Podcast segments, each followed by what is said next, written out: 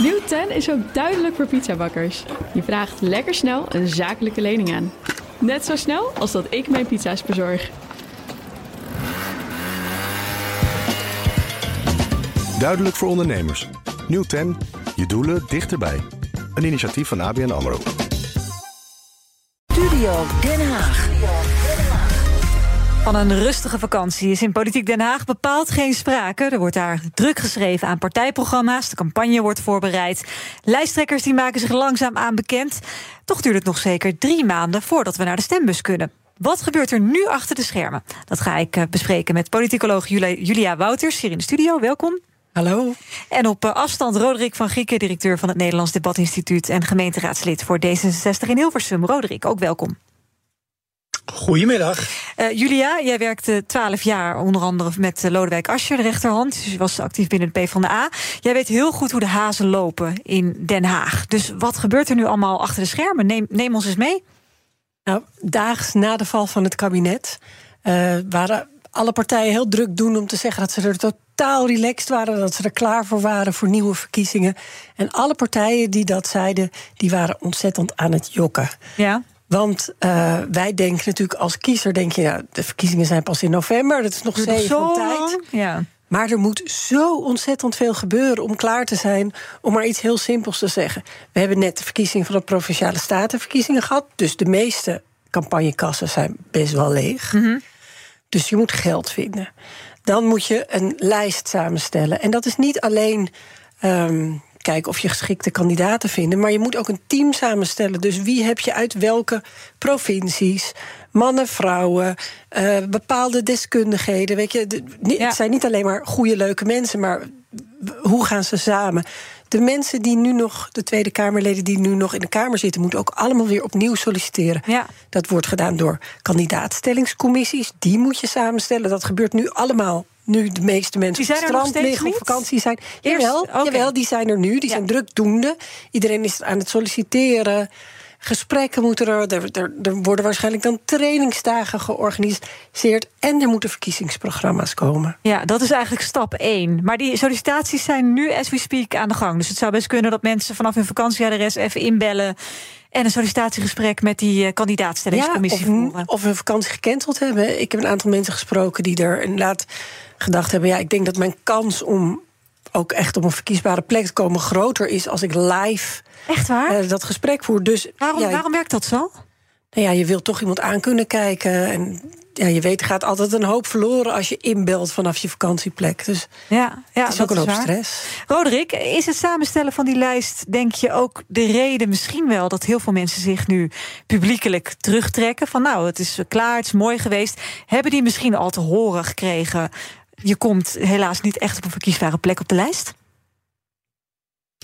Nou, er kunnen best mensen zijn die die inschatting maken. Hè. Die denken van, nou ja, de, die bijvoorbeeld bij eerdere functioneringsgesprekken uh, hebben gehoord dat het nog niet zo lekker loopt. En denken van, nou ja, dan kan ik maar beter het besluit voor zijn en zelf aangeven dat ik stop. Maar er zullen er ook een aantal zijn die een echte afweging opnieuw maken van wil ik dit nog een keer? Want dat is ongelooflijk intensief, dat kamerwerk. En je Ja. weet dat als je ervoor gaat, dat je dat in principe ook voor vier jaar moet doen. En ja, dan moet je ook echt eh, met je achterban, de mensen thuis, maar ook voor jezelf het gevoel hebben: zie ik mijzelf eh, dit nog weer vier jaar doen? Ja. Maar het kan ook zijn dat je, hè, heel veel partijen hebben straks een nieuwe lijsttrekker. Nou, die wil zijn eigen stempel weer gaan drukken op zo'n lijst. Het kan natuurlijk ook best zo zijn dat je bij de, eh, de vorige lijsttrekker heel goed ervoor stond. Maar dat je denkt, nou, die nieuwe lijsttrekker die, die ziet het misschien wat minder in mij. Of die Oh. wil weer andere mensen een, een plek gunnen. Dus nou ja, laat ik er dan maar eh, zelf voor kiezen om niet door te gaan. Maar daarmee zeg jij dus, Roderick, dat, dat de lijsttrekker, dan wel de partijleider, best wel wat invloed heeft op, op de samenstelling van die lijst. Nou, niet eens eentje. Julia zei dat al. Er is natuurlijk een hele commissie die erover gaat. Mhm. Maar eh, ik denk dat bij iedere partij de lijsttrekker toch ook echt wel wat eh, in de melk te brokkelen heeft.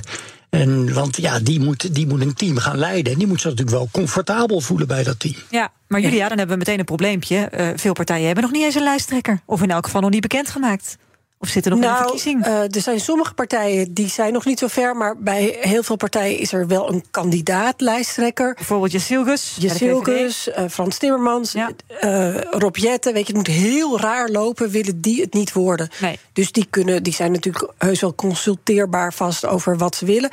Een lijsttrekker, in ieder geval bij de partij waarvan ik weet heb, ze hebben invloed, maar geen controle over de lijst. Dus ze mogen wel mensen vetoen, zeggen, nou dat, dat, dat gaat echt niet samen met mij. Ja. Ehm, maar de volgorde, ja, je mag misschien één of twee veranderingen erin.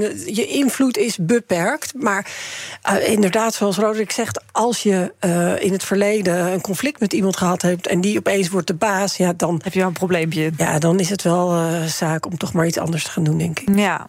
Eh, hoe bereiden de partijen zich nu voor op de campagne, Julia? Want dat zou dan, denk ik, hè, vanaf eh, september een beetje moeten gaan losbarsten. Is dat een realistisch, eh, realistisch moment? Ja, nee, ik, ik heb wel het idee dat veel lijsttrekkers op dit moment zich voorbereiden door nog even als de wiede weer gaan rust te pakken. Het is toch echt, het is echt vergelijkbaar met topsport. Ligt Timmermans nu ook op het strand, dat jij weet? Ik hoop het van wel. Nou, hij heeft gezegd dat hij op vakantie gaat. En dat zal niet de vakantie zijn dat je helemaal niks meer doet. Waarschijnlijk ben je aan het bijlezen en dossier, maar ook gewoon slaap pakken. Ehm, misschien proberen nog wat af te vallen, fit te worden. Afvallen? Nee, maar, nee, maar niet, niet Moet, moet, moet Frans wat, eh, wat kilo's kwijt? nou, het, het gaat er ook om, het is echt vergelijkbaar met topsport. Ja. Je, je zal de komende maanden, zeker als je naamsbekendheid nog niet zo groot is, heel erg idiote uren moeten maken. Het hele land door Je moeten. bent de hele tijd in beeld, dus op je de moet radio. fysiek fit zijn. Ja. Dus misschien is afvallen niet zozeer het, het voorbeeld, maar je moet echt gewoon eh, er klaar voor zijn. Ja. Maar als we naar de afgelopen jaren kijken, dan zie je toch vaak dat de kiezer last minute eh, beslist. Nu zal het ook echt een strijd worden van wie wordt de, de volgende premier eh, na, na Rutte. Eh, dus kan het ook niet zo zijn dat ze zich expres ook even wat gedijst houden. Want je hebt maar een beperkte window dat je veel aandacht kan krijgen. En dat je die eigenlijk zo dicht mogelijk tegen de verkiezingen aan wil hebben. Dus dat het, dat het iedereen zegt altijd, we hebben zo weinig tijd. Maar ja, eigenlijk als je de laatste drie weken een goede campagne hebt, dan eh had ik idee. Nou, kijk, je, je ziet als je kijkt hoe Mark Rutte dat de afgelopen eeuwen heeft gedaan, voor mijn gevoel. Zo voelt Eh, die deed dat zo. Die bleef helemaal uit de wind. Die bleef keurig netjes de premier zijn. En die ging dan op staatsbezoek ergens waar die, Ja. waar die mooie zeer mee deed. En die hield zijn kaart tegen de borst. En dan die laatste anderhalve weken deed hij een paar hele goede Debatten. optredens. Maar dat was wel met zijn naamsbekendheid. Hè. Ook Dylan Jezilgus. Eh, hoewel ze wel al eh, anderhalf jaar minister is, is haar naamsbekendheid en haar populariteit niet vergelijkbaar niet met die van Rutte. dus Maar zij zal Van veel Timmermans heeft toch wel een hoge naamsbekendheid. Ja, maar mensen willen toch ook weten: goh, eh, wat vind je eigenlijk van andere onderwerpen? Dus zij zullen wel iets meer eh, moeten doen dan dat Rutte kon. En, en ik vind het wel ook heel erg belangrijk zijn. We doen altijd net of we hier ook in een Amerikaans stelsel zitten, maar dat zitten we niet. Nee. Dus wij kiezen niet de premier. En je kan de premier worden. Ik zal nooit vergeten dat Wim Kok ooit een keer in mijn bijzijn vertelde. Iedereen dacht altijd dat Paars een links kabinet was. Maar het was wel op sommige aspecten progressief. Maar economisch was de meerderheid in mijn kabinet rechts. En dus we moeten altijd begrijpen dat je moet op de partij kiezen die je wil. Maar de premier zal toch een coalitie moeten smeden. Ja. En dus ook maar een gedeelte van de eigen agenda kunnen. Dus we, we stemmen niet op de Nee, premier. nee, dat is helder. Roderick, eh, er wordt een heel blik nieuwe politici natuurlijk opengetrokken. eh, hè, een beetje noodgedwongen. Zorgt dat ook voor een veranderende strategie bij partijen? Want je hebt natuurlijk een heleboel, ja, ik noem ze maar even newbies... die nog heel onervaren zijn. Ja, en, de, en dat betekent dus ook dat het, je het moeilijker voorbereiden is. Want eh, wat jullie net al zeiden, ja, we hebben natuurlijk een eeuwigheid Mark Rutte gehad. Nou, die was toch een beetje de kop van Jut campagnes. En dat, maar daar wist je ook aan wat je eraan had. Dus daar kon je iets op voorbereiden. En tegelijkertijd, oh, en op dit moment heb je een campagne met allemaal. Nou, ja, het zijn mensen met best wel wat ervaring, maar nog niet zozeer in de rol van echt lijsttrekker. Nee. En eh, Frans Timmermans heeft dat natuurlijk een keer bij Europese verkiezingen gedaan. Eh Rob Jette is ook al een keer ehm, eh, eh, lijsttrekker geweest bij, bij verkiezingen, maar dat is alweer een tijdje geleden. En maar voor een Dylan Jezilgus, die al nou, wel een ervaren politica is, maar zo'n verkiezingscampagne en die verkiezingsdebatten en dat gaan doen, is echt totaal een andere wereld. Ja. En je daar inhoudelijk op voorbereiden. Uh, en dat wordt deze campagne ongelooflijk interessant. Om te kijken welke positie neemt iedereen in. Ook ten opzichte van elkaar. Wat ga je dan een campagne voeren goed... op personen of op idealen, Roderick? Want dat is dan denk ik een belangrijke keuze. Zeker als je nog niet zo bekend bent. Nou ja, dat, ik denk dat het de combinatie altijd moet zijn. Kijk, het moet natuurlijk. In, in, je wil het verhaal vertellen van jouw partij. Maar ja, eigenlijk heeft iedere partij heeft heel veel kleuren in zich. En heeft heel veel manieren hoe je dat verhaal kan vertellen. En je zal een combinatie moeten vinden van wat dicht bij de partij zit, maar het moet ook een verhaal zijn wat past bij die lijsttrekker. Ja. Dus je moet ook datgene zien uit te vergroten waar wat jouw lijsttrekker geloofwaardig kan vertellen. Ja. En dan moet het ook nog eens een keer aansluiten bij wat de kiezer op dat moment belangrijk vindt. Wat is nou het gevoel? het onderwerp waar de kiezer deze keer op nou ja, zijn vakje ook rood gaat kleuren. Ja. En de combinatie van die drie dingen, dus je, je partijideaal, de lijsttrekker en wat wil de kiezer horen, ja, daar moet je iets in gaan smeden. En daar moet je ook nog wendbaar zijn. Dat je ook nog uh, enigszins ja, het schip kan bijsturen, of het verhaal kan bijsturen. Als het niet werkt. In een campagne. Ja, Julia? Nou, niet alleen als het niet werkt. Hè. Er kan ook tijdens zo'n campagne opeens iets gebeuren. Um, ik zag ergens voorbij komen dat er een peiling was geweest dat het thema van de campagne migratie zou worden. Ja, nogal wie dus als je dat daags na het val van het kabinet op migratie peilt, dan zeggen mensen dat.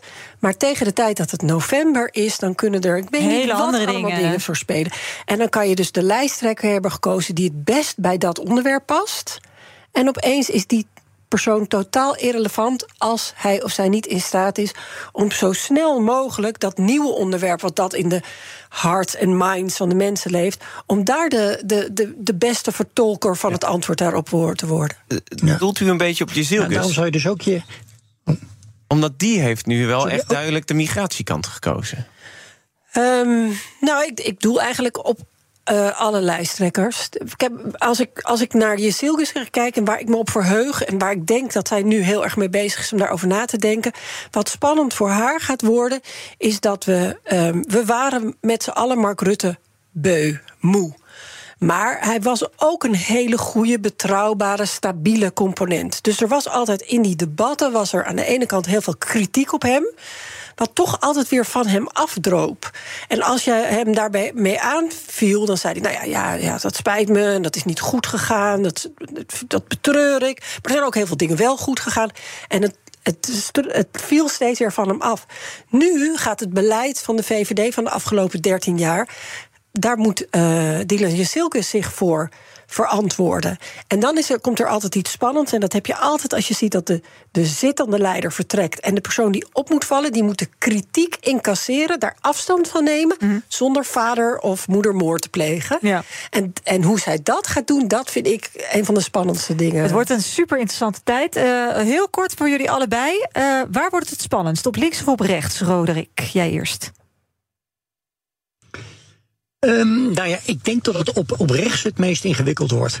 Want daar, daar uh, klonteren toch de meeste partijen samen die, die uh, bijvoorbeeld op dat thema migratie uh, ja, elkaar beconcurreren, mm min of meer nou ja, in dezelfde vijver aan het vissen zijn. Ja. Dus ik denk dat dat een ingewikkeldere strijd gaat worden ten opzichte van links. Tegelijkertijd is natuurlijk één ja, eh, grote speler nog onbekend. En dat is wat Pieter Omzicht gaat doen. Ja. Als die mee gaat doen in de campagne, dan, ja, dan, dan, dan verandert het hele speelveld. Dan verandert er ook weer een heleboel.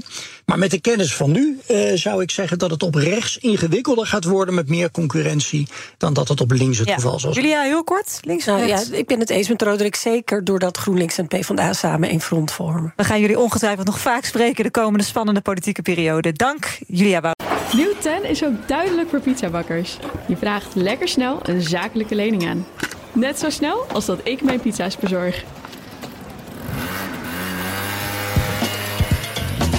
Duidelijk voor ondernemers. Nieuw 10, je doelen dichterbij. Een initiatief van ABN AMRO.